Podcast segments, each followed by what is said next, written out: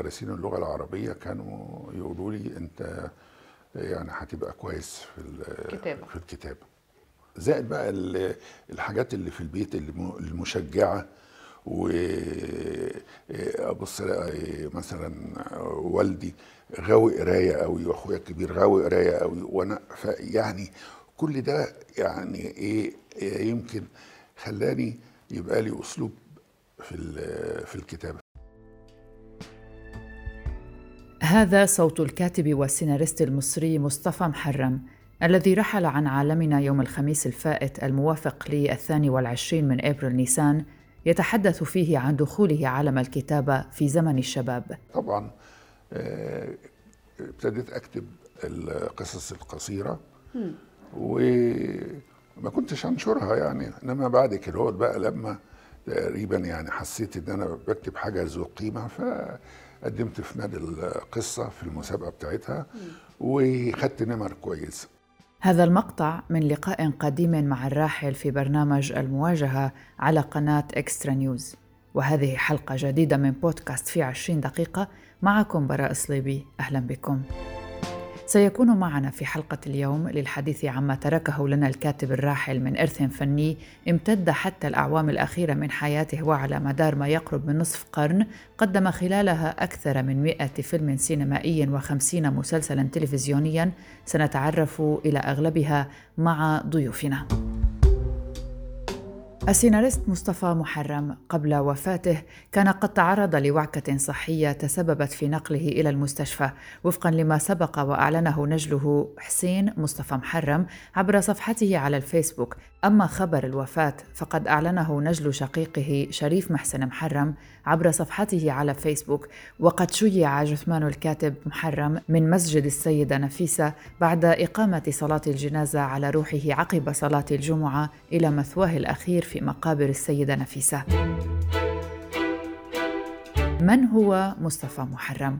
هو كاتب ومؤلف وسيناريست من مصر من مواليد يونيو حزيران 1939 بحي السيدة زينب خريج كلية الآداب قسم اللغة الإنجليزية عمل في بداية مشواره في قسم القراءة في شركة فيلم إنتاج للإنتاج السينمائي ألف بعد ذلك عشرات الأعمال وأغلبها حاز على جوائز عالمية حيث اشتهر مصطفى محرم بكتابة السيناريو والحوار للعديد من الأفلام المصرية المعروفة.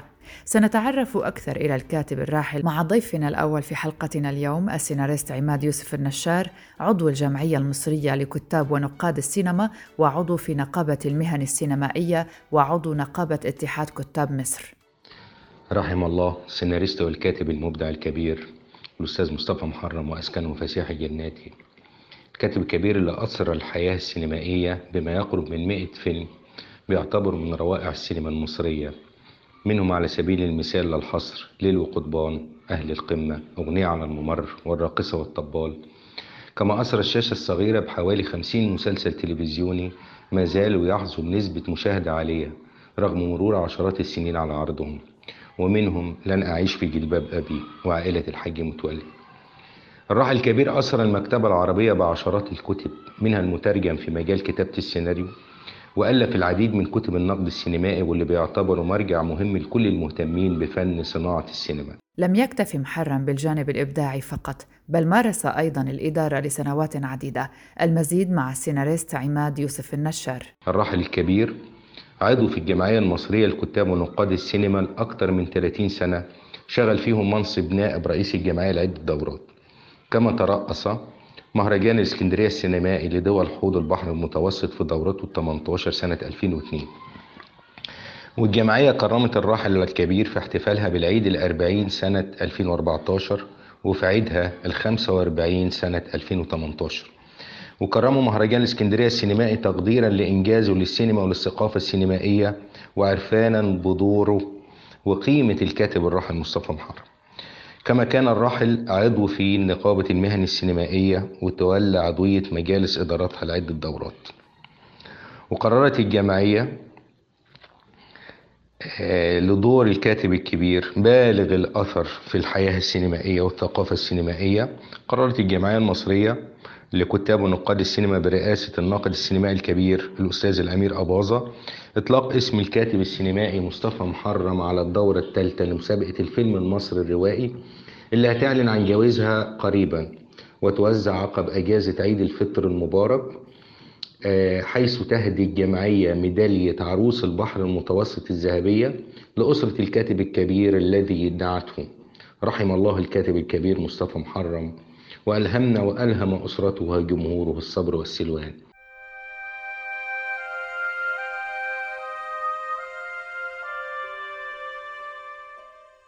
جهات ثقافية ومشاهير ومتابعون للفن المصري نعوا الراحل مصطفى محرم.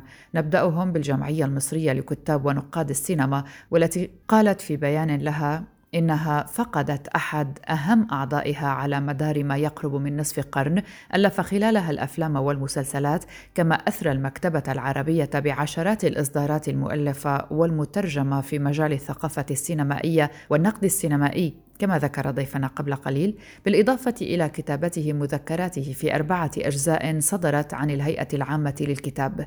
أيضا وزيرة الثقافة المصرية إيناس عبد الدايم نعت الكاتب المصري الكبير وقالت إنه قدم معالجات أيقونية للكثير من قضايا المجتمع كما أبرز بحرفية ومهارة الجانب الإنساني في الشخصيات التي تناولها بقلمه مؤكدة أن أعماله ستبقى خالدة في تاريخ الإبداع المصري والعربي بعد أن حققت مكانة كبيرة في وجدان الجماهير.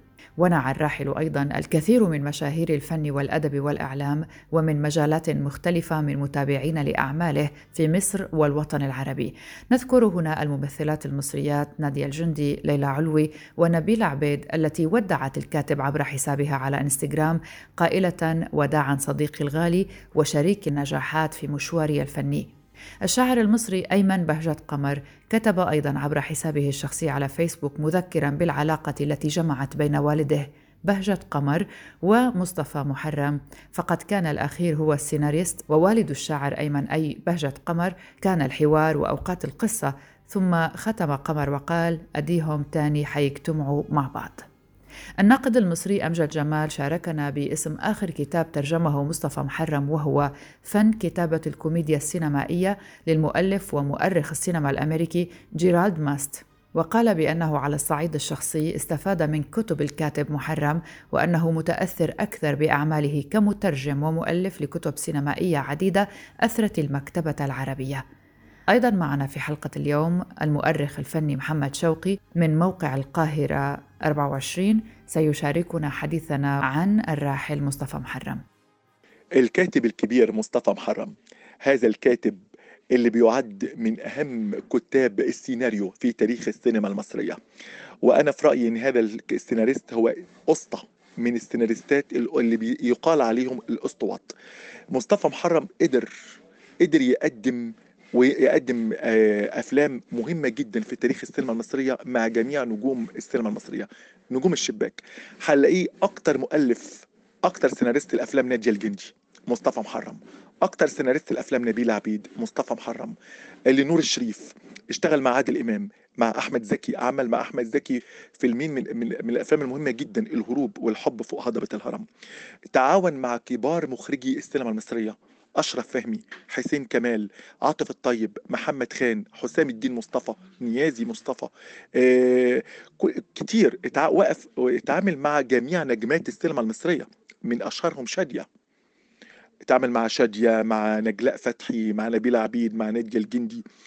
آه هذا السيناريست قدر كان كان بيعرف كويس جدا الجمهور إيه اللي بيجذب الجمهور وفي نفس الوقت كان بيحافظ على القيمة الفنية. كان بيعمل فيلم جماهيري مع الاحتفاظ مع القيمة الفنية. وده ما بيقعش فيه وده نادر لما تلاقي سيناريست بالشكل ده. يا إما سيناريست يواكب الجمهور ومش مهم عنده القيمة الفنية أو العكس.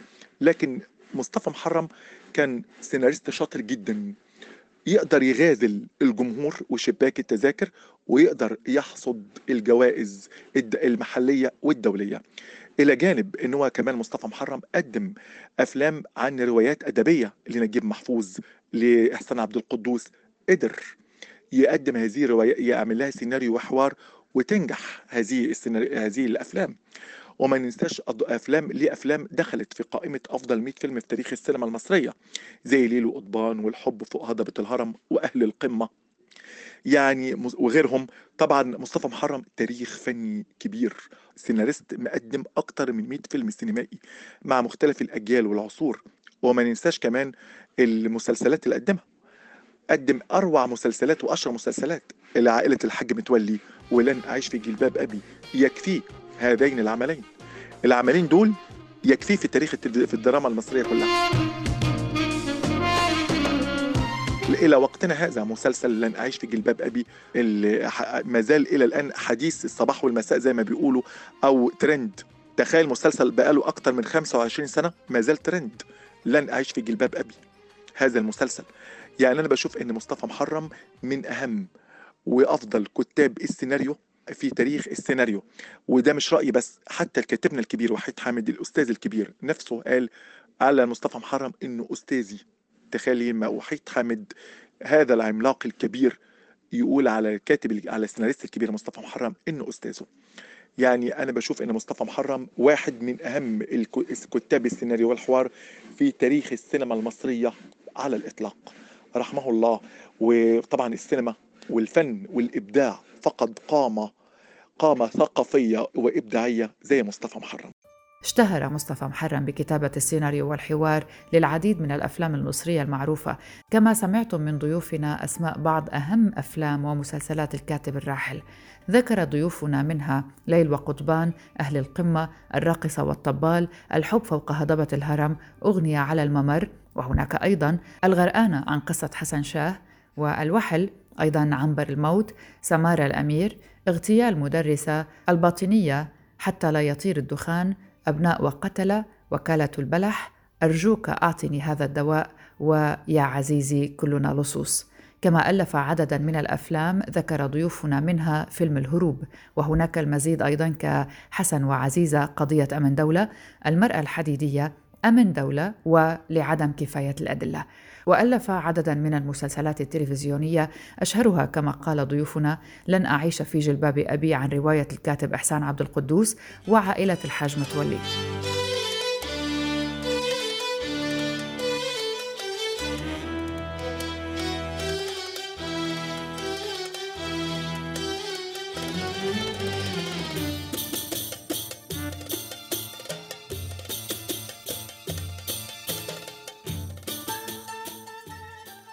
بالإضافة إلى الباطنية عن رواية الكاتب إسماعيل ولي الدين وريا وسكينة عن كتاب رجال ريا وسكينة للكاتب صلاح عيسى أيضا زهرة وأزواجها الخمسة رد قلبي بنت أفندينا مشوار امرأة العطار والسبع بنات وأيضا قاتل بلا أجر.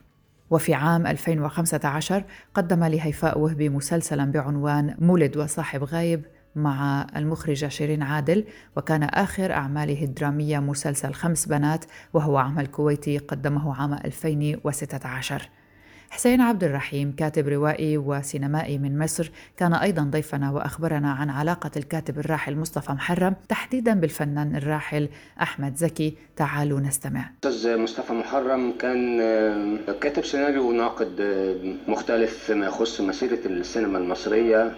وحتى علاقته فيما يخص بممثليه اللي كان بيختارهم آه، على سبيل المثال وليس الحصر الأستاذ أحمد زكي في فيلم آه، الهروب وده من العلامات أو من البصمات التي لا تنسى بالنسبة لل- للأستاذ مصطفى محرم رغم أنه اختلف في مسألة التقييم فيما يخص النجم أحمد زكي في فترة من الفترات فصرح تصريح قال أنه لا يصلح للقيام بدور الجان أو جان بريمير وده بيتنافى مع قوام وتركيبة وذكاء وعصبية أحمد زكي فيما يخص علاقته بالتمثيل.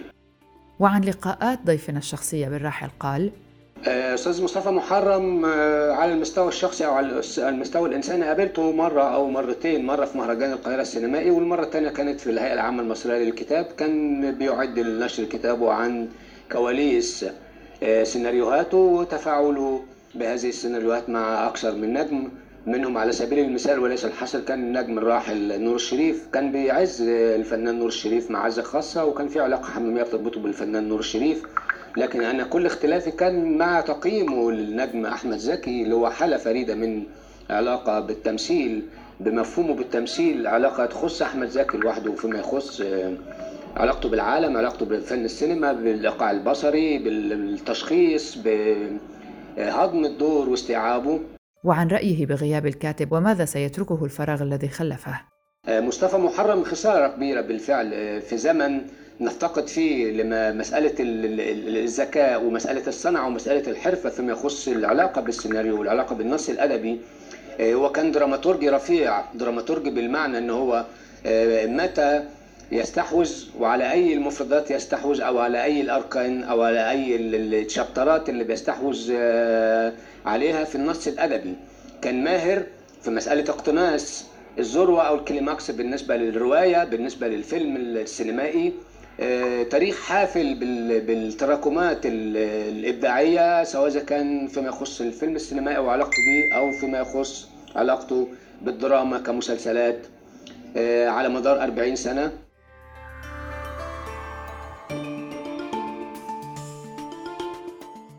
أيضا معنا مشاركة من سوريا من المؤلف والمخرج والمنتج السوري أنور قوادري. الحقيقة أنا بشعر كثير من الحزن لما بتكلم عن رحيل صديق وكاتب كبير في مصر والعالم العربي الأستاذ مصطفى محرم.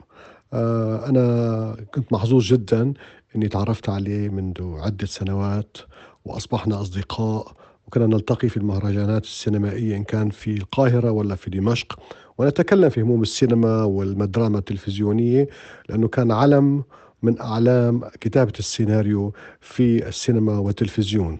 لا ننسى أنه هو كان من في بدايات في نهاية الستينات وبداية السبعينات من مؤسسين سينما جديدة في مصر للشباب الجديد اللي كان متمرد على المألوف. فمنلاقي معه مثلا علي عبد الخالق في أغنية على الممر بنلاقي معه عاطف الطيب في الحب فوق هضبة هضبة الهرم بنلاقي أنه يأخذ قصص لإحسان عبد القدوس الكاتب الكبير نجيب محفوظ ويحولها إلى السينما يدخل إلى إلى قضايا المجتمع وفي الممنوعات مثل باطنية. ويقدم أعمال فيها نف نفس شعبي ولكن فيها رسالة هادفة. وفي نفس الوقت كان ملتزم وكذلك كان دائما يمسك العصا من النص يقدم العمل الجيد للجماهير حيكون جماهيري وبنفس الوقت فني. وبالتالي كان يلتزم معه كبار المخرجين والمنتجين وكانت أعماله كلها محترمة. ولما دخل الدراما التلفزيونية تألق فيها وقدم أعمال خالدة مثل عائلة الحاج متولي وأعماله ولن أعيش في جلباب أبي مع عمر الش... مع مع نور الشريف.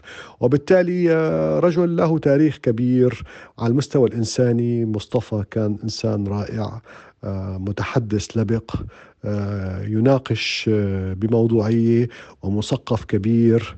أفتقده كثيرا. كثير كان سنحت لي الفرصة أني محظوظ أني التقي في مهرجان إسكندرية لما كان حصل تكريم إلي شخصيا لما كرموني بفيلم جمال عبد الناصر بمناسبة مئوية ميلاد جمال عبد الناصر في 2018 وكان في لقاءات بيني وبينه. وكذلك أنا كنت طرحت كنت حابب أعمل عمل عن الموسيقار العبقري الراحل العظيم محمد فوزي. والتقت الآراء بيني وبينه. وكان هو عم ابتدى يبتدي يكتب قصة حياته لمسلسل تلفزيوني. وأنا كنت كثير سعيد في هذا الموضوع وتم الاتفاق بيني وبينه على أنه أنا سأقوم بإخراج هذا العمل. وهو أتم معظم الحلقات ولكن للأسف وافته المنية يمكن قبل أن ينهي السيناريو ببعض الحلقات. وأتمنى أنه نقدر ننجز هذا العمل. مع بعد وفاء لكاتب كبير مثل مصطفى وقامي كبير مثل مصطفى محرم وكذلك لروح العبقري الموسيقار الكبير محمد فوزي. الله يرحمك يا مصطفى أفتقدك جدا جدا وإلى جنات الخلود.